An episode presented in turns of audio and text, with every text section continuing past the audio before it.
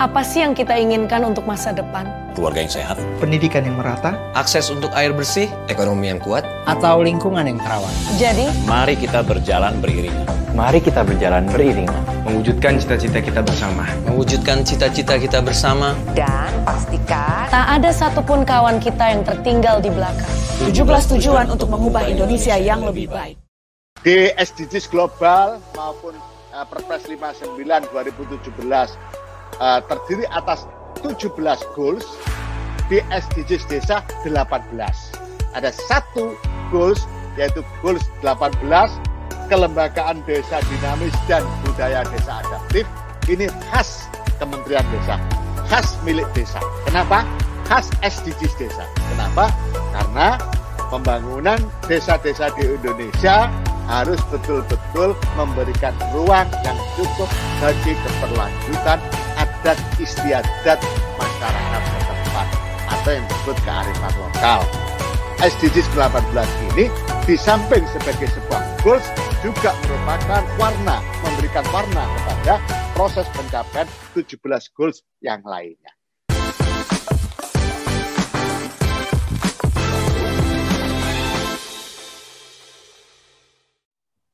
Salam bahagia kerabat desa Indonesia luar biasa tahun baru.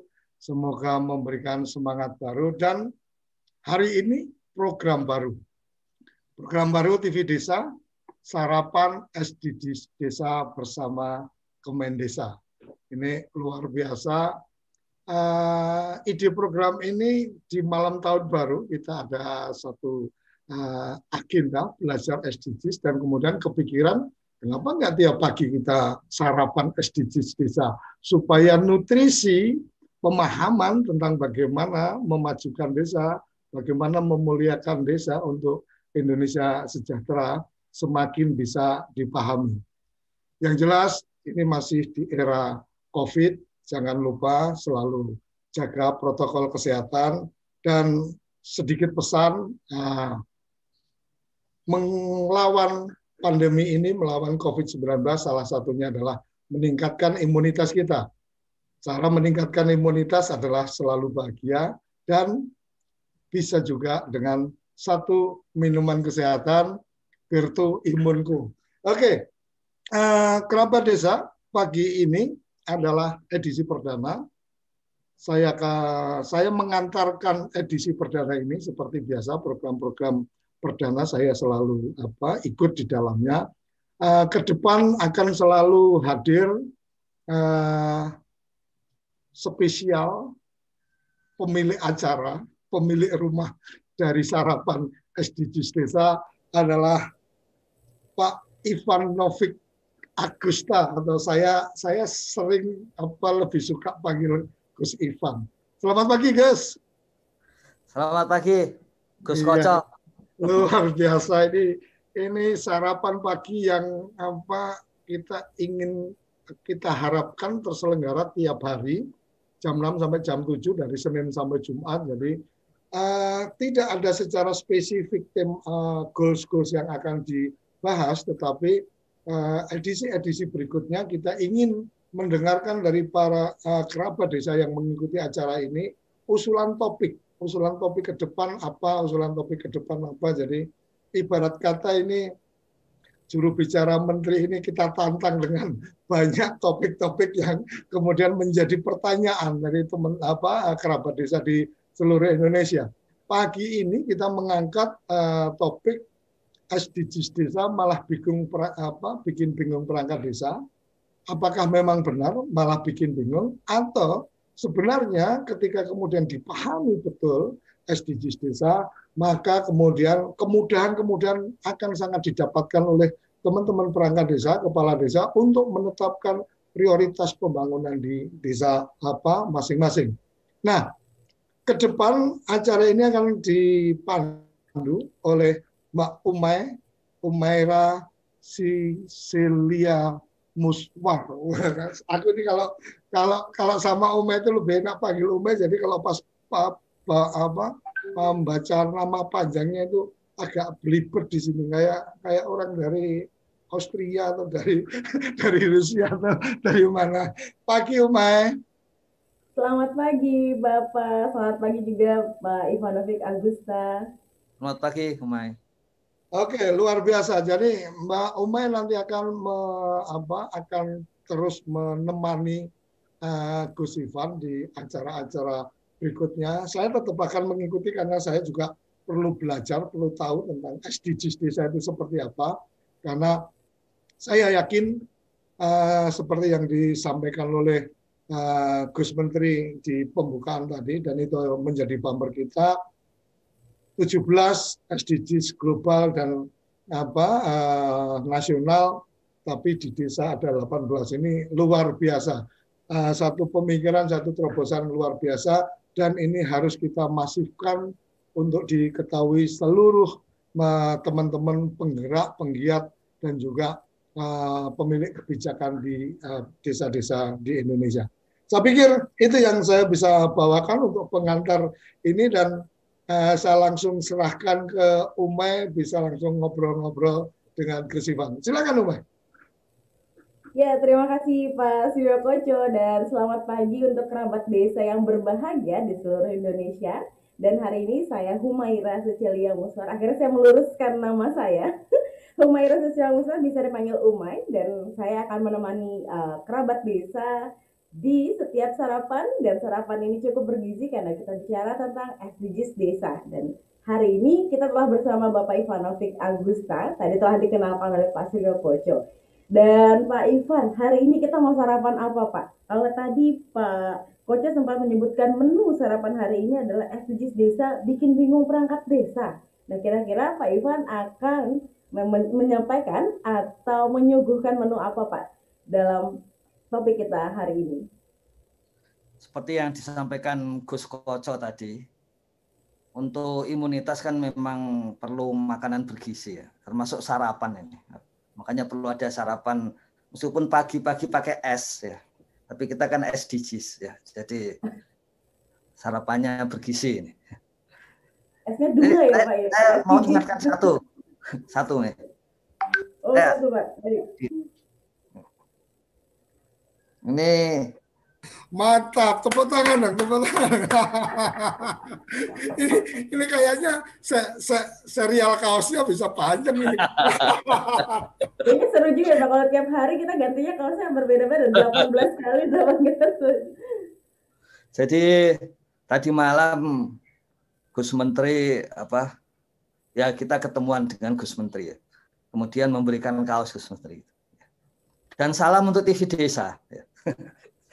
Karena kemarin sebetulnya memang beliau pengen ikut dan salah satu yang rencananya akan diwajibkan bagi pendamping desa itu selalu menonton acara-acara TV desa ya. supaya bisa mengikuti perkembangan apa yang terjadi di Kementerian Desa dan desa-desa di Nusantara gitu. Kita pagi ini baru pada taraf memahamkan atau paling tidak memberikan informasi lah ya. Bagaimana SDGs desa itu akan diterapkan terutama di tahun 2021 ini terutama berkaitan dengan tujuh tahun undang-undang desa yang nanti akan kita peringati dua minggu lagi ya, tanggal 15 Januari 2021 dan setelah tujuh tahun atau Sabta Warsa memang perlu satu lompatan ke depan. Dan kita punya refleksi dulu ke belakang sebelum sampai uh, ke depan. Saya kira satu hal yang menarik dari berbagai perkembangan ide SDGs desa ini memang apakah akan merepotkan ya. Dengan 222 indikator apakah tidak malah membebani desa ya kalau kemudian dicanangkan SDGs desa apa tidak malah membelenggu desa sehingga tidak bisa kreatif. Sebetulnya ada hal yang menarik. Kemarin ada yang bertanya, apa bedanya empat prioritas dengan SDGs desa? Apakah dengan adanya prioritas yang super banyak lagi daripada empat, itu lebih akan menuju desa mandiri ataukah tidak? Gitu. dulu kritik terhadap empat prioritas itu terlalu membatasi desa.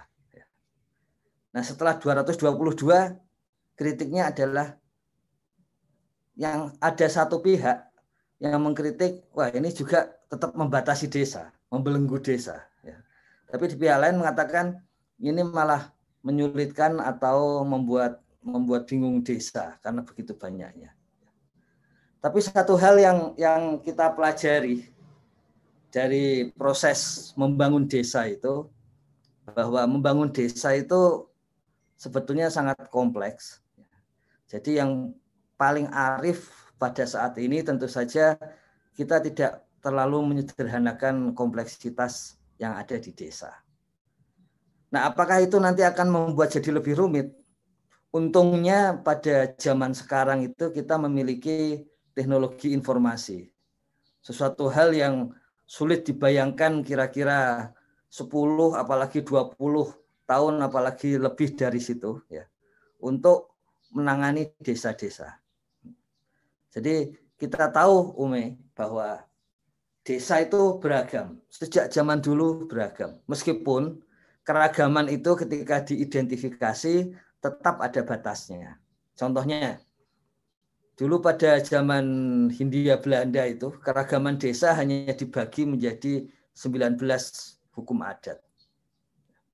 Sekarang ini contohnya BPS itu melihat budaya-budaya dominan di desa. Jumlahnya sekitar 740-an.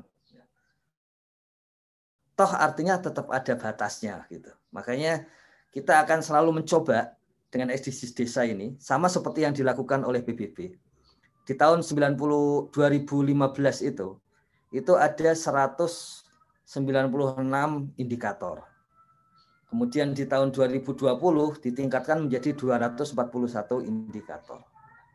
Ini bukan sekedar menambahkan, tapi itu juga sekaligus menunjukkan bahwa pemahaman manusia terhadap aspek-aspek pembangunan itu semakin semakin semakin banyak gitu. Sehingga kita bisa mengelola tidak hanya 196, tapi 241 indikator. Dan itulah yang terjadi kira-kira di dalam SDGs desa. Jadi istilah Gus Menteri itu dengan SDGs desa, yang pertama kita ingin mencari hal-hal yang paling mudah. Kita tidak mencari hal-hal yang memperumit, tapi hal-hal yang paling mudah. Dan hal yang paling mudah itu ada beberapa. Misalnya yang pertama, kita akan menggunakan teknologi informasi, sudah pasti itu. Itu karena memastikan bahwa keragaman desa tetap ada, tapi semuanya bisa dikelola. Jadi keragamannya tetap ada sesuai dengan uh, posisi yang diambil, posisi bahwa ini pembangunan untuk desa. Bahkan ada SDGs ke-18 untuk memastikan bahwa budaya desa dan lembaga desa itu justru berkembang, lebih adaptif dan lebih bisa dinamis gitu. Tapi juga bisa dikelola, maka menggunakan teknologi informasi. Yang kedua, kita akan melihat pada level desa. Itu sesuatu yang sederhana dan mudah terlihat. Di tingkat nasional kita tahu misalnya, kemiskinan di desa itu itu ada 12,9 persen sebelum pandemi ya atau sekitar 14 juta orang. Ya. Tapi kita cuma tahu 14 juta, kita tidak pernah tahu persis siapa dan di mana. Ya. Nah, begitu kita masuk desa, kita tahu itu. Bahkan kita mulai bisa mengetahui berapa yang bisa dientaskan oleh masing-masing desa. Dengan cara pengentasan yang lebih substantif. Karena ada ada model pengentasan yang tidak substantif dengan kita menanyakan pengeluaran dan hanya dicek dua kali setahun sebetulnya tidak substantif. Begitu ada BLT sudah pasti beres itu. Tapi yang substantif itu misalnya aset. Ya. Kalau aset itu bisa masuk ke dalam kategori kemiskinan, maka itu substantif. Bagaimana rumahnya, ya, bagaimana alat transportasinya, semuanya yang bersifat aset. Nah, kalau kita ke desa tadi, yang pertama dengan IT, yang kedua kita memang menggunakan unit analisisnya pada level desa. Jadi Gus Menteri itu uh, menyatakan begini, misalnya bisa enggak kita membuat laju kemiskinan dan garis kemiskinan pada masing-masing desa yang berbeda-beda. Tentu saja itu bisa. Nah, kenapa bisa? Karena sebetulnya secara nasional caranya juga mudah. Kalau kita bisa menanyakan pengeluaran dari masing-masing orang miskin, kemudian bukan sekedar orang miskin tapi penduduk gitu. Kemudian kita bagi menjadi 10 dan kemudian kita cek dengan rumus statistik maka akan ketahuan garis kemiskinannya gitu. Nah, kalau jumlah penduduknya kita sensus pada level desa ya. Di mana saat ini itu rata-rata keluarga di desa itu jumlahnya 1.500. Artinya jumlah penduduknya itu rata-rata sekitar 6 ribuan rata-rata. Ya. Nah 6 ribu desa itu kita tanyakan satu persatu. Tentu saja yang anak-anak dan orang yang sudah sepuh itu ditanyakan lewat kepala keluarganya. Pasti kita akan bisa menemukan garis kemiskinan di masing-masing desa. Ya. Dan supaya tidak sulit, kembali lagi, supaya tidak sulit, maka kemudian IT yang atau teknologi informasi yang berbicara. Nah, dia yang akan mengolah. Jadi desa cukup menerima hasilnya. Kira-kira seperti itu, Ume. Jadi pertanyaan apakah sulit Apakah akan menjadi lebih rumit? Tentu saja nanti tidak. Jadi IT-nya akan dijalankan dan bulan Januari ini itu Kementerian Desa melatih seluruh pendamping desa. Dilatih ulang supaya lebih siap dan lebih sigap untuk melayani desa. Ya. Di samping juga ada tim langsung dari kementerian yang bisa dihubungi oleh tiap-tiap desa. Yang saat ini sudah mulai berlangsung. Nah memang ya silakan Umi. Ya saya cukup tertarik Pak kalau tadi Pak bilang bahwa SDGs desa itu sebenarnya mempermudah dengan kita punya data real dari desa. Kita seperti tadi Bapak contohkan kita punya garis kemiskinan atau laju kemiskinan per desa akan dengan mudah kemudian eh, perangkat desa menentukan ke depannya harus apa, apa kebijakan-kebijakan harus mereka ambil level desa. Dengan demikian garis kemiskinan per desa itu lambat laun akan akan menurun ya Pak. Ah, akan mungkin bisa menghilang seperti itu. Dan kita kemudian menggunakan teknologi informasi untuk pengolahan data, bukan begitu ya Pak? Iya, nah, iya. Teknologi informasi ini, uh, IT, uh, ini bagaimana nih Pak bentuk IT-nya atau bentuk teknologi informasinya? Mungkin biasa digambarkan sedikit Pak Ivan. Iya, sebetulnya uh, teknologi informasi ini disediakan oleh Kementerian Desa. Jadi kalau merujuk kepada Undang-Undang Desa, sistem informasi di situ disebut pasalnya sistem informasi pembangunan desa dan kawasan pedesaan. Jadi karena sistem informasi pembangunan, maka menjadi kewajiban dari Kementerian Desa untuk menyediakan. Gitu. Dan yang disediakan ini kemudian setelah kita berjalan tujuh tahun ini undang-undang desa, kita semakin memahami. Dulu di awal-awal tahun, di tahun 2015-16 itu, ada sebagian yang mengatakan administrasi itu membelenggu desa. Nah, bagaimana kalau kita menggunakan kaidah dari ISO? Ya. Mencatat yang dilakukan, dan melakukan yang dicatat. Dan biarkan aplikasi yang mencatatnya. Gitu. Nah, kira-kira itu yang dilakukan. Jadi eh, desa membangun seperti biasanya, warga desa membangun seperti biasanya, termasuk kalau ingin eh, menyatakan eh, protes atau sekaligus usulan begitu, tapi sistem yang akan mengolahnya. Dan sistem yang kemudian akan menyajikan draft laporannya barulah kemudian desa bisa bisa menggunakan itu. Ini satu catatan penting seperti ini. Kalau kita lihat SDGs global itu SDGs Indonesia nasional itu kekuatannya di kebijakan. Salah satu kekuatannya itu di kebijakan. Artinya apa? Artinya kita sangat ahli membuat laporan daripada pelaksanaannya, gitu kan? Jadi ini positif ya. atau negatif ini Pak? Kalau ya. misalnya kita bicara ini kalau kita ahli dalam membuat laporan, ini positif way or negatif way? Uh, ya karena kita bergerak di bidang pembangunan ya, semuanya kita harus ambil hikmahnya gitu. Jadi tidak tidak pernah ada yang sepenuhnya positif atau negatif kan pasti apa namanya ada yang bisa diambil gitu.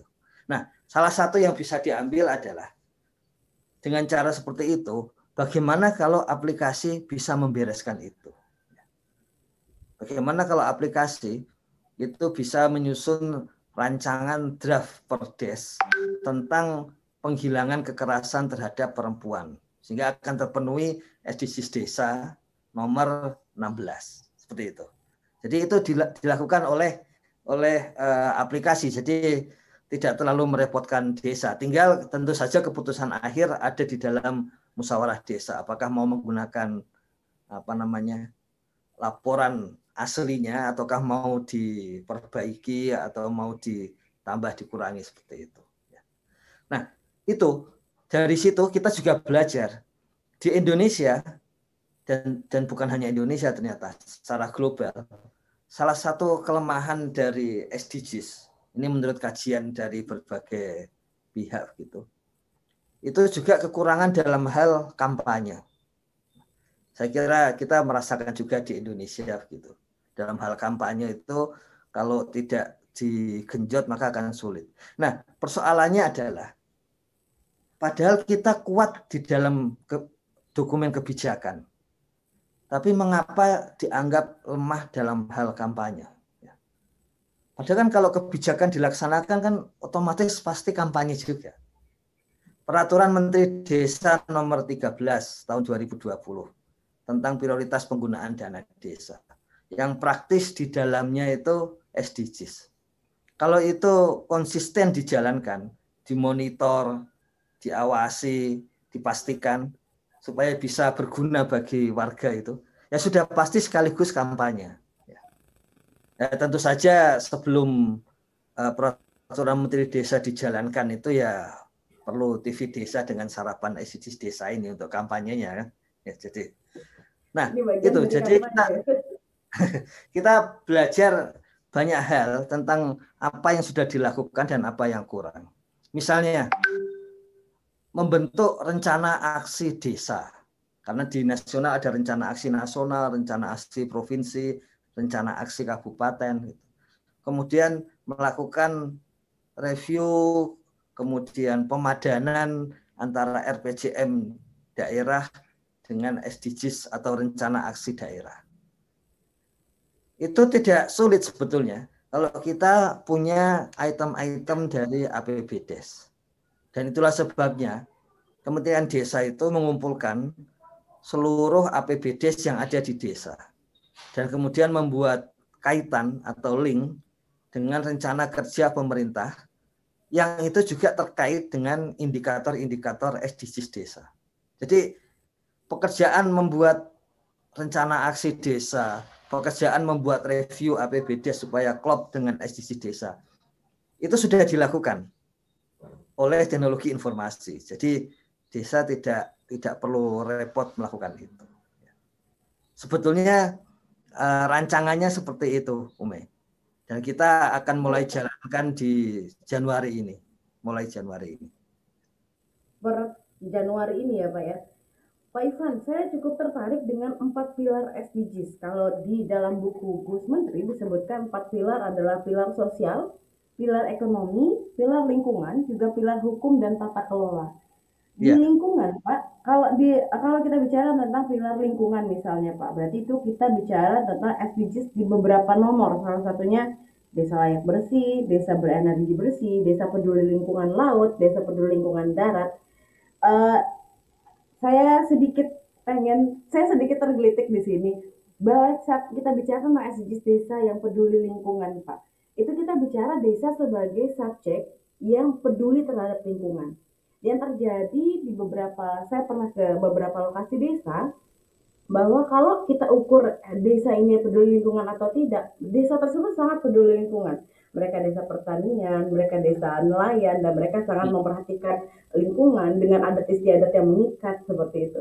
Namun adanya intervensi pihak lain, atau kita sebutlah kapitalis, datang situ membuat sistem tata kelola mereka yang tadinya mereka peduli lingkungan menjadi ter uh, ter uh, tergeserkan seperti itu. Nah, uh, kejadian-kejadian seperti itu banyak terjadi terjadi di desa. Apakah nanti SDGs desa mampu mengcapture itu, Pak? Sehingga teman-teman di desa yang merasa suaranya tercekat, tidak bisa bicara uh, bahwa mereka sedang mengalami masalah dalam hal lingkungan seperti itu, apakah SDGs ini kemudian bisa mengcapture itu? Kita bagus juga itu belajar dari BPJS di awal yang waktu itu sangat apa namanya antusiasme untuk berobat sangat tinggi ya. Dan ketika berobat sangat tinggi maka ya kewalahan sudah pasti. Tapi itu hanya di awal. Setelah itu kemudian eh, sistem bisa bisa tertata. Karena memang sebelumnya tidak ada sama sekali. Nah, yang dilakukan oleh Kementerian Desa ini mungkin menarik untuk uh, kita kaji lebih lanjut ya. Itu cara yang paling mudah ya, kita harus bersama-sama mengetahui dan kemudian bersama-sama memecahkan. Ini sebetulnya kaidah tentang kekuasaan model baru, kekuasaan kapilaristik itu, kapiler ya, bukan bukan kapitalistik itu, kapilaristik ya. Itu bahwa Bagaimana kalau kekuasaan itu disebar ke sebanyak mungkin orang? Yang itu muncul dalam wujud kalau sekarang antara lain medsos. Kalau di medsos tiba-tiba muncul trending topik, kemudian orang banyak membicarakan hal itu, sesuatu yang tidak lagi tertutup tapi terbuka begitu, maka eh, kekuasaan dari milik warga itu akan mulai tumbuh. Itulah yang ada di dalam misalnya sistem informasi desa jadi kalau sekarang kita cek di webnya Kementerian Desa, kemendesa.go.id itu di situ ada sistem informasi desa. Di situ terlihat satu transparansi yang ada lonjakan transparansi yang sedang dijalankan. Nah, nanti antara lain transparansi itu akan muncul di dalam komponen SDGs desa. Jadi kalau saat ini transparansi yang detailnya itu jelas itu muncul di dalam penggunaan dana desa, APBDes maupun adanya anggaran-anggaran yang masuk ke desa. Sementara yang bagian SDGs karena datanya masih data pada level desa itu tidak terlalu banyak. Tapi nanti segera ketahuan, segera ketahuan di bulan Juni desa-desa mana yang mendapat apa konten atau item merah gitu. Karena dia pada aspek lingkungan tadi. Ini perlu di perlu dicek juga Umi. Jadi mengapa istilahnya peduli? Jadi hmm. kata kunci peduli itu itu digunakan Gus Menteri untuk memastikan bahwa salah satu yang penting desanya itu punya apa namanya itu kebijakan atau punya niat untuk positif untuk memenuhi itu. Karena wewenangnya sebagian besar tidak ada di desa. Maka kalau kita lihat kita bandingkan dengan apa namanya komponen SDGs global dan SDGs nasional, yang di situ bukan peduli, tapi memang kita harus melestarikan laut, melestarikan darat gitu. Kemudian kalau di desa itu kita sebut sebagai peduli. Karena yang penting desanya terus bergerak. Dan kalau desa terus bergerak, maka akan tercatat dan kemudian akan muncul transparansi di level nasional. Dan Gus Menteri sebetulnya sudah menjalin hubungan dengan berbagai kementerian. Misalnya ini, misalnya seluruh oleh desa akan disusun, ya, dan desa boleh menyusunnya begitu, menjadi sangat detail apa yang akan dilakukan. Kemudian Kementerian Desa secara reguler akan menyampaikan hal itu kepada Kementerian PUPR. Karena ada slot di sana yang diberikan untuk desa. Tapi tapi bukan dalam arti langsung ya, bukan melalui Kementerian Desa, tapi mereka akan mendapatkan uh, usulan melalui Kementerian Desa dan langsung melakukan ke desa. Nah, begitu juga dengan KLHK. Baik itu untuk lingkungan gambut, untuk aspek-aspek darat akan ada di sana, termasuk aspek kehutanan. Kemudian untuk untuk KKP itu ada aspek-aspek yang berkaitan dengan perairan. Jadi modalnya Kementerian Desa nanti adalah data. Dan data itulah kemudian ditambah dengan proposal yang yang sangat detail oleh desa, itulah yang akan disampaikan kepada berbagai pihak. Apakah itu mungkin? Sangat mungkin. Karena sebetulnya itulah yang diharapkan di kalau apa namanya disampaikan oleh Gus Menteri, itulah yang selalu diharapkan oleh Bapak Presiden di dalam berbagai rapat-rapat terbatas. Terbatas itu artinya khusus, misalnya khusus untuk desa gambut, khusus untuk desa yang ada di pesisir seperti itu. Itu yang dibutuhkan oleh oleh Bapak Presiden. Jadi ini boleh dikatakan uh, hampir pasti bisa terlaksana. Seperti itu Ume, rencana pemecahannya. Wah, berarti kita SDGs kita yang di Kementerian Desa ini adalah memang kita memfokuskan pada mendapatkan data sedetail mungkin dari desa seperti itu ya Pak ya. Untuk nah. kemudian kita Oke, okay. baik. Pertanyaan kemudian ini Pak ada dari Bapak Pardi Genila dari Desa Geni Langit Pak. Kalau begitu berarti perlu sosialisasi nih Pak. Nah sosialisasi dari tingkat pemerintahan desa mungkin juga dari tingkat pemerintahan di atasnya seperti itu. Kira-kira bentuk sosialisasi apa yang nanti akan dikerjakan oleh Kementerian Desa Pembangunan Daerah Tertinggal dan Transmigrasi Pak? Bukan nanti, mungkin mulai saat ini mungkin ya Pak, karena ini sekarang ya, Januari. Betul, betul. betul. Jadi uh, yang pertama begini, yang pertama, Gus Menteri itu berkali-kali menyampaikan kita harus membuat seperti para kapitalis itu membuat produk-produk terbaru.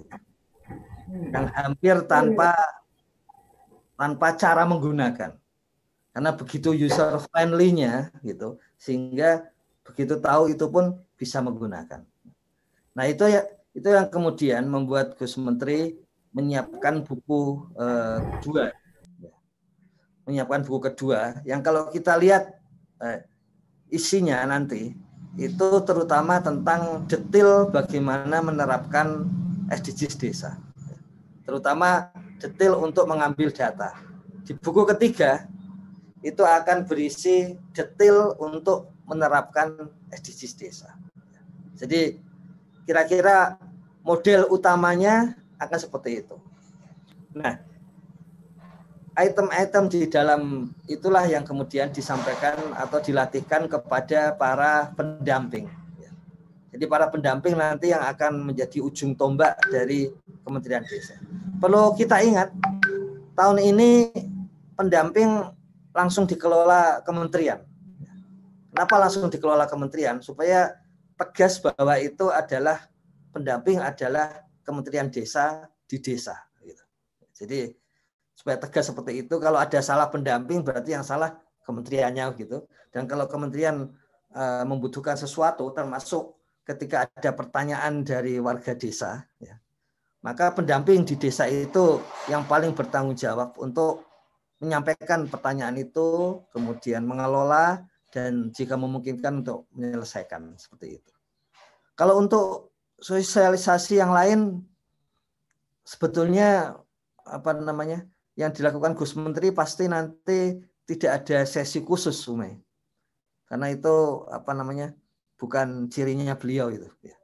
Tidak beliau lebih suka substantif, langsung jadi, langsung jalan. Sosialisasinya akan sambil jalan gitu. Sambil menerapkan SDGs desa, sambil kemudian uh, belajar, kemudian memiliki respon dari warga, kemudian itu akan dicek ulang di Jakarta seperti itu. Modelnya kira-kira seperti itu. Meskipun beliau sudah apa namanya siap juga kalau kalau ikut dalam sarapan kita ini. Jadi kadang-kadang kita sarapan sendiri berdua sekali-kali sarapan dengan menteri seperti itu.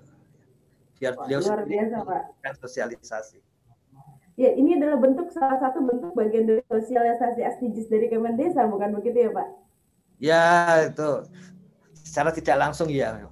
Kampanye iya, sosialisasi iya.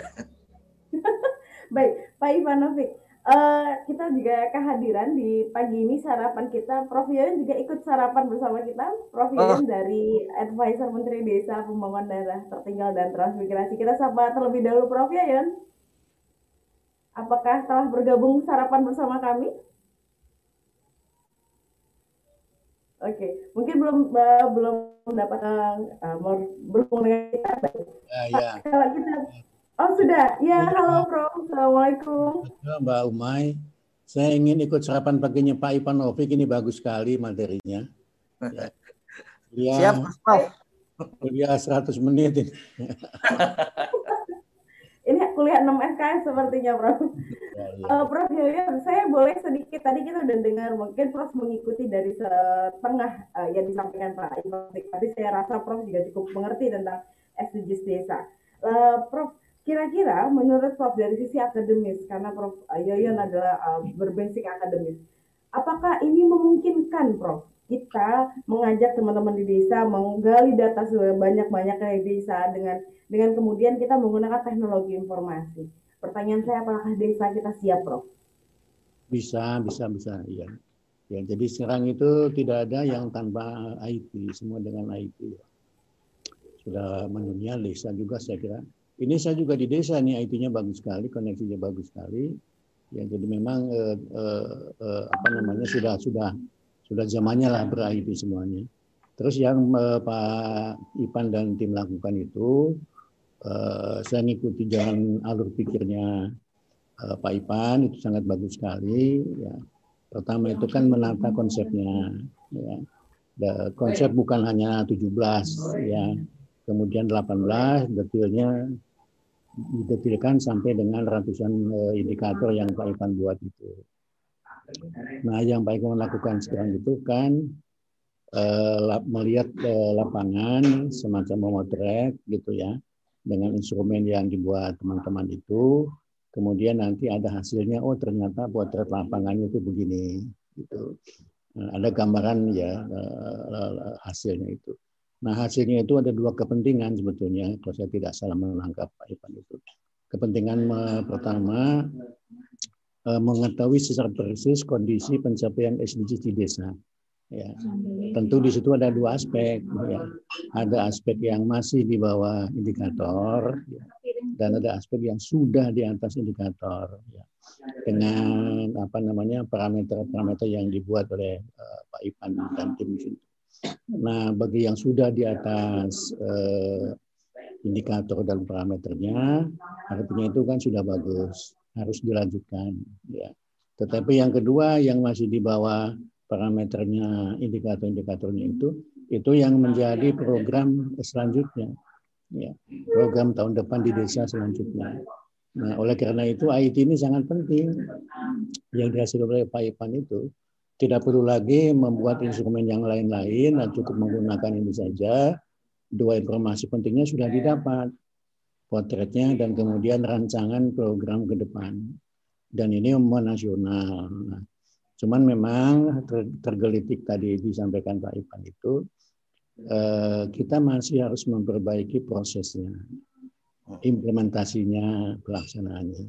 Di di mana pun memang begitu, karena ini persoalan yang sangat berat sekali ya itu tadi Pak Ipan itu kan mendeskripsikan mendeskrip sampai ratusan indikator itu kan harus dilaksanakan secara sungguh Nah, programnya itu tidak lagi besaran 17 atau 18, ya, tapi programnya itu sudah unit-unit cluster yang ada di dalam masing-masing uh, 1 sampai 18 itu. Dan saya yakin Pak Ipan itu ada cluster-clusternya di situ. Misalnya yang nomor satu bebas dari kelaparan itu ada indikatornya. Bu Mai sama Pak Ipan tentang kemiskinan sudah tahu lah. Ya tidak lagi dengan beras berapa kilo gitu itulah ketinggalan ya. konsepnya eh, mbahnya Mbak Umay sama Pak Ipan itu kan menggunakan berapa kilogram beras gitu ya. ya. Sekarang kan yang paling mudah kan dua, dua dolar ya dua lobar itu kan kemudian bagaimana itu dikonversi menjadi kegiatan-kegiatan. Ada peningkatan ekonominya, ada peningkatan pendapatannya dan sebagainya. Itu Mbak Umay saya kira eh, bagus sekali. Ya. Mungkin suatu saat nanti Pak Ipan akan menjelaskan satu-satu atau klasternya. masing-masing itu indikator-indikatornya yang menjadi nanti satuan program yang akan dilaksanakan. Ya, Pak Suryo Koco, terima kasih sekali loh ini SDGs pagi-pagi ini. Ya. ya, ada di depan ini minum kopi juga. Ya, hangat-hangat. Baik, saya kembalikan okay, bagus sekali ini nanti suatu saat Pak Suryo akan membuat rancangan juga uh, menjelaskan poin-poin tadi kelompok-kelompok indikator itu ya dan itu harus menjadi uh, kegiatan-kegiatannya peningkatan pencapaian SDGs desa oleh masing-masing desa. Apakah bukan uh, begitu Pak Ivan ya? Saya menangkapnya begitu ya. Jadi tadi buku satu, buku dua, buku tiga. Nanti saya akan menagih Pak Ivan buku keempat menjadi tetralogi itu. Sebetulnya yeah, yeah, kemudian bentuk-bentuk penghasil capaian-capaiannya itu uh, seperti apa. Alhamdulillah konsepnya sudah divalidasi ya. Uji coba lapangan sudah dilakukan oleh uh, Pak Ipan ya. Kalau Pak Ipan uh, lupa tidak ngajak itu persoalan lain sebetulnya nggak masalah itu. Dan hasil uji coba saya kira segera akan di di anu ya Pak Iban ya dipublikasikan ya. Ya. Profil desa dan semuanya bagus kan. Ya. Dan untuk Agus Menteri bisa menjadi buku yang keempat itu bagus. Ya. Ya. Gitu Mbak Uma silakan. Terima kasih sekali ya Pak Surya Koco Pak. Ya. Baik Prof Yoyon. Uh, baik Pak Ivan kita kembali ke Pak Ivan Novik. Pak kalau tadi kita kembali ke judul bahwa SDGs desa bikin bingung perangkat desa. Pak Ivan sudah menjelaskan bahwa sesungguhnya sebenarnya ingin mempermudah perangkat ya. desa untuk ya. kemudian dapat mengambil kebijakan dari data yang kita dapatkan. Lah, pertanyaan kemudian adalah spesifik, spesifiknya Pak, tugas perangkat desa nanti apa Pak jadinya? Iya. Mungkin bisa nih teman-teman kepala desa yang sedang menonton sedang mau berapa nih kira-kira nanti tugas saya seperti apa ini kira-kira? Ya. Silakan Pak Ivan. Sudah sudah pasti namanya perangkat ya pasti membangun desa. Ya, tetap membangun desa. Cuman lebih uh, Kementerian Desa memudahkan untuk membangun desa gitu. Tentu saja keputusan akhir tetap pada musyawarah desa. Tapi sebelumnya sambil kita lihat Ume, tadi yang pertama Gus Prof Yoyon itu ya. Itu punya posisi tersendiri itu di di Gus Menteri itu. Bahkan saya berkali-kali kalau ada Gus Prof ke kantor gitu, termasuk yang disalahkan itu kami. Ya. Kenapa tidak? Ya kenapa tidak kita yang sowan ke Jogja gitu? Atau kalau pas Gus Prof di Majalengka ini menyalahi aturan murid dan guru gitu. Jadi, jadi sampai sekarang masih begitu itu kalau Wah, baik. Jadi di Majalengka enak ya Pak ya. Saya pernah mampir sekali ke Prof Yoyon di Majalengka. Oh iya, apalagi kalau pagi seperti ini. Ya. Wah. nah kemudian yang kedua ini, ini Pak Pardi Kades Geni Langit ini ya. Ini um, saya kira beliau memang salah satu kades yang kalau kita lihat kondisi desanya ya, itu kades yang boleh dikatakan berprestasi juga kalau saya boleh tunjukkan, Mei. Apakah bisa kelihatan, Ume? Kami terlihat. Ya. Mungkin uh, sudah disiapkan oleh tim uh, tim TV Desa untuk dapat menampilkan ini. Oh iya, sip. Baik, sudah, nah, Ini contoh sistem informasi desa yang saat ini memadukan, mengintegrasikan. Bahkan di tahun 2021 itu hanya ada satu aplikasi eksternal dari Kementerian Desa yaitu sistem informasi desa supaya tidak terlalu menyulitkan semuanya harus ada di situ. Ini kondisi desa Geni Langit. Tadi kadesnya Pak Pardi. Ya. Nah, contoh yang yang ada di situ misalnya, bagaimana kondisi SDGs-nya. Ya. Ini ada kondisi SDGs dari SDGs 1 sampai SDGs ke 18 termasuk tadi yang Mbak Ume sampaikan, mestinya di sana tidak ada laut Ume. Ya. Karena ini adalah desa yang ada di pegunungan. Ya. Ini bagaimana kita bisa tahu desa itu ada di pegunungan ya? Karena dia posisinya ya, posisinya memang ada di wilayah pegunungan. Jadi dia di lereng atau puncak gunung. ya. Kemudian yang paling bagus di sana tentu saja hortikultur. Begitu kita mengetahui produk unggulannya hortikultur, kita mengetahui bahwa pola pikirnya masyarakat desa di sana itu pasti ada aspek-aspek yang sifatnya itu terbiasa dengan ekonomi uang. Dan itu pentingnya adalah kemudian mereka akan lebih terbiasa dengan perdamaian karena kalau ekonomi uang lebih suka kondisinya damai daripada banyak kerusuhan kan. Jadi ada linknya ke berbagai aspek itu. Kita juga tahu di situ di BLT dana desanya misalnya ya. Kalau kita lihat di sini jumlahnya paling tidak 44 KPM yang ada yang mendapatkan itu. Padahal rata-rata KPM di desa itu saat ini BLT dana desa itu eh, 105 KPM per desa. Jadi kalau desa Geni Langit itu KPM-nya hanya 44, ya, nah kita bisa yakin dia termasuk desa yang tidak terlalu miskin. Ini kalau kita lihat juga IDM-nya, ya statusnya saat ini adalah maju. Ya, statusnya saat ini adalah maju. Statusnya maju dan kemudian apa namanya dia bisa akan segera menjadi mandiri. Padahal dua tahun yang lalu statusnya berkembang loh. Ya. Oh ini bisa lihat dua tahun yang sebelumnya juga ya Pak dari SID ini. Ya, ini 2018 ini berkembang. 2020 sudah maju, berarti Pak Pardi memajukan desanya kan. Dan yang paling penting, ya, yang paling penting yang tadi Mbak Ume tanyakan, seluruh sistem informasi ini pada akhirnya berujung kepada rekomendasi. Apa yang perlu dilakukan oleh desa, kecamatan, provinsi sampai pusat ya. Jadi di sini ada rekomendasinya, kegiatannya. Tentu saja kami sampaikan, ini adalah rekomendasi berdasarkan data lapangan yang dikumpulkan oleh desa sendiri. Ya.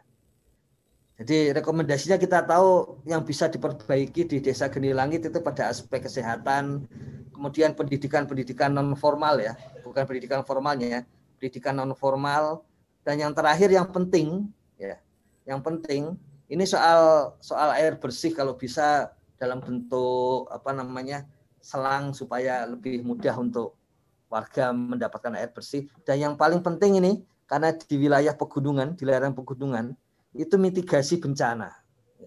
Jadi kesiapan untuk menangani bencana karena posisi desanya seperti itu. Nah nanti rekomendasi seperti itu akan sangat uh, detail, jauh lebih detail. Karena kemarin itu berbasis 52 indikator IDM dan nanti berbasis paling tidak 222 indikator SDGs desa. Nah, seperti itu sehingga akan akan mudah bagi kepala desa untuk melakukan kegiatan lebih lanjut. Bisa dibayangkan begini, nih. Kalau tiap tahun ada rekomendasi desa. Kalau tiap tahun ada rekomendasi, maka mau tidak mau desa kan akan selalu membangun. Dan jelas untuk membangun butuh organisasi dan yang bisa mengorganisasikan pasti para perangkat desa dengan dengan apa pimpinan eh, kepala desa. Gitu. Nah, ini ada pertanyaan lebih lanjut dari Pak Pardi ini. Apakah indikator dalam SDGs langsung connect dengan kementerian. Ya, sekarang semuanya connect. Justru dengan IT itu akan connect. Nah, kemarin sempat sempat ada Slack gitu ya dengan tim Sapa Desa. Karena sering kali desa desa sebagian desa menolak untuk berbincang-bincang uh, dengan tim Sapa Desa karena merasa loh kenapa jadi kementerian langsung ke desa ya tapi ini pertanyaan Pak Pardi ini malah menarik. Apakah bisa connect langsung dengan kementerian? Justru itu yang sedang dilakukan. Ya.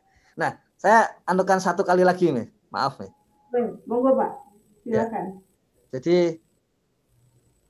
di di sini di dalam SID ini di bagian atas itu ada tim Sapa Desa. Ini tim yang langsung di bawah Pak Menteri ruangannya juga ruangannya di samping ruangan Pak Menteri. Jadi Pak Menteri tidak usah keluar ruangan, dari dalam ruangan langsung masuk ke ruangan sapa desa.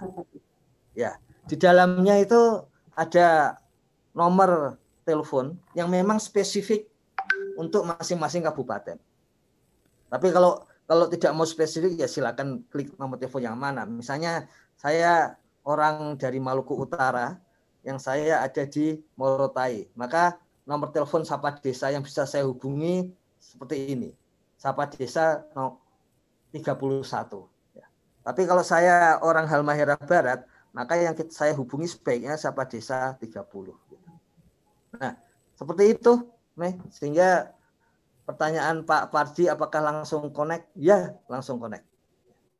Uh, pertanyaan kemudian Pak, ini uh, sedikit uh, uh, saya ini pertanyaan yang kemudian biasanya kalau desa itu yeah. langsung connect ke kementerian itu bisa suka ada hmm, mungkin bapak juga pernah tahu uh, beberapa uh, pemerintahan di atas ya kemudian akan merasa bahwa desa ini sudah kemudian menjadi uh, apa ya kerajaan-kerajaan kecil sehingga mereka desa itu sering kali tidak lagi melihat kepada pemerintah daerahnya. Apakah ini nanti tidak tidak ada kesenjangan seperti ini, Pak? Sudah dipastikan tidak akan ada kesenjangan seperti ini? Ya, jadi desa memiliki menunya. Eh, kecamatan memiliki menunya. Bagaimana kondisi desa di kecamatannya?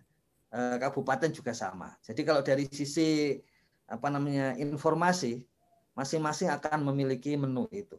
Bahkan tidak hanya menu yang statistik seperti tadi, tapi juga menu yang sifatnya peta maupun kualitatif.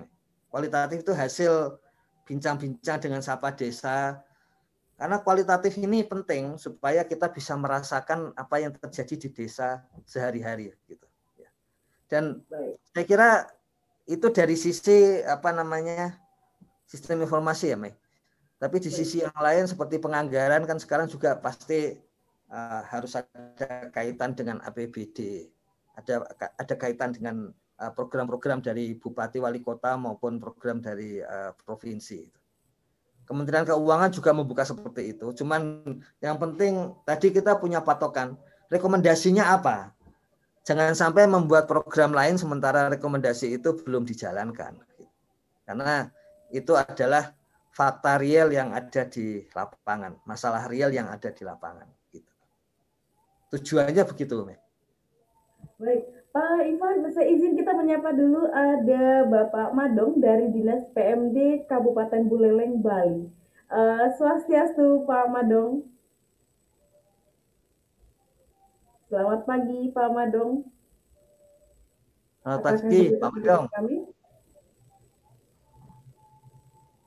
Oke, mungkin eh, nanti kita coba kembali mengkoneksikan dengan Pak Mandong. Uh, Pak Ivan, saya cukup menarik Pak kalau misalnya tadi uh, Pak Pak Kades Geni Langit, Pak Pardi sempat menanyakan nanti sosialisasinya uh, akan bagaimana. Lalu uh, tentang masalah uh, IT-nya nanti akan bagaimana. Nah kemudian Pak pertanyaan berikutnya adalah saat tadi Bapak sebutkan bahwa Justru ini tidak bikin belum perangkat desa karena ini akan memperluas perangkat desa karena yang bekerja nanti teman-teman dari pendamping desa. Nah kira-kira apakah SDGs desa ini tidak membebankan pendamping desa Pak atau bagaimana kira-kira Pak? Jadi disesuaikan disesuaikan dengan SDGs desa. Tugas pertama pendamping kemudian adalah mengkompilasi data. Kemudian nanti dari data itu akan diolah diolah oleh tim IT maupun maksudnya diolah oleh sistem informasi maupun begitu itu dianggap eh, ada hal-hal yang khusus maka langsung akan ada tim ada tim di sekitar Gus Menteri yang akan mencek hal itu. Jadi ini eh, sistemnya sudah terintegrasi kalau di dalam Kementerian Ume. Jadi begitu ada masalah di desa, itu langsung tim dari Sapa Desa tadi maupun IT itu langsung akan menghubungi pendamping. Jadi seperti sudah terjadi berkali-kali sampai hari ini juga. Begitu ada masalah maka pada hari ini juga langsung dilakukan kajian atau langsung pengecekan lapangan. Baik Pak Ivan, ini pertanyaan terakhir sebelum tidak terasa kita sudah hampir 60 menit Pak pagi Iya, ini iya. sarapannya sudah mulai kenyang sepertinya. Pak Ivan, pertanyaan terakhir ini dari Pak Pepen Supendi dari YouTube kita. Apakah SID tadi yang tadi ditampilkan oleh Pak Ivan di website Kementerian Desa sid.kemendesa.go.id adalah data lama yang diupload kembali atau apakah itu sudah merupakan data terbaru? Itu kita bisa melihat di bawahnya sumbernya. Tapi hampir semuanya sumbernya dari Kementerian Desa. Jadi data pada level desa itu adalah data saat ini ya. Saat ini data yang dikumpulkan melalui kompilasi indeks desa membangun. Kemudian ada data yang lain yang dikompilasi dari potensi desa 2019. Tahun ini data itu akan diupdate tiap semester. Yang yang mengupdate siapa? Ya dari hasil kompilasi ke desa-desa itu. Saya kira kalau dibandingkan dengan yang lain tetap yang paling update untuk saat ini. Baik, itu apakah data itu benar-benar dari desa yang diisi oleh teman-teman di desa atau uh, Oke, sebentar Pak, ada terima ada informasi lagi. Apakah data yang tadi Bapak sampaikan di SID itu teman-teman di desa tahu kalau nanti sudah misalnya sudah diupdate ataukah uh, waktu pengupdatean data itu teman-teman di desa diberitahu Pak? Apa ada jadwal tertentu? Uh, tidak ada jadwal, tapi yang jelas uh, dikeluarkannya per enam bulan. Sebetulnya data itu disiapkan oleh oleh desa, tapi realnya pada saat ini 91 persen itu akhirnya kemudian ditindaklanjuti oleh para pendamping. Hanya 9 persen desa yang yang aktif uh, melakukan itu. Tapi intinya Kementerian Desa, jika ada aspek-aspek di mana desa masih belum bisa aktif, Kementerian Desa ganti yang akan aktif. Gitu. Sehingga bagi masyarakat umum, bagi seluruh warga desa di Indonesia, yang jumlahnya 118 juta itu, mereka selalu terupdate dengan kondisi desa-desa di Indonesia pada masa ini. Seperti itu, Mei.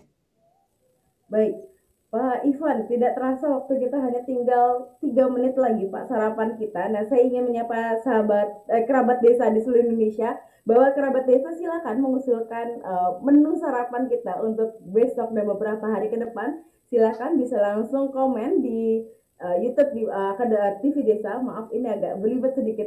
Uh, di YouTube TV Desa silakan komen akan ingin apa ini judul sarapan atau menu yang akan kita bahas di beberapa waktu ke depan. Kalau tadi kita sudah bahas hari ini bahas SDGs desa bikin bingung perangkat desa, maka besok bikin bingung siapa lagi silakan menunya dituliskan di kolom chat, di kolom komen di TV Desa, uh, di YouTube akun TV Desa. Nah, Pak Ivanovic, kita kembali lagi, kita tinggal waktu sedikit lagi. Ada yang ingin mungkin disampaikan sedikit, Pak, sebagai uh, closing kita di pagi hari ini? Ya, jadi boleh dikatakan SDGs desa itu satu inovasi kebijakan yang sebetulnya memudahkan desa dan memastikan desa itu semakin terekognisi. Terekognisi karena apa yang dilakukan desa itu dengan mudah dilihat oleh pihak lain dan yang dilakukan desa kan sudah banyak sehingga orang lain akan melihat banyak sekali yang sudah dilakukan desa sehingga rekognisi terhadap desa akan semakin kuat. Betulnya seperti itu, Mek.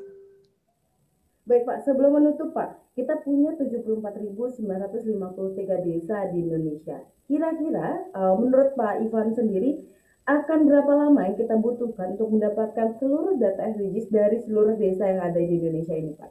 Kita bicara uh, kemungkinan harapan kita Pak. Bulan Mei, Mei. Bulan Mei ini Pak? Ya, karena di bulan Juni kita sudah akan publikasi uh, per per aspek SDGs yang tadi disampaikan oleh Gus Prof maupun per wilayah-wilayah gitu.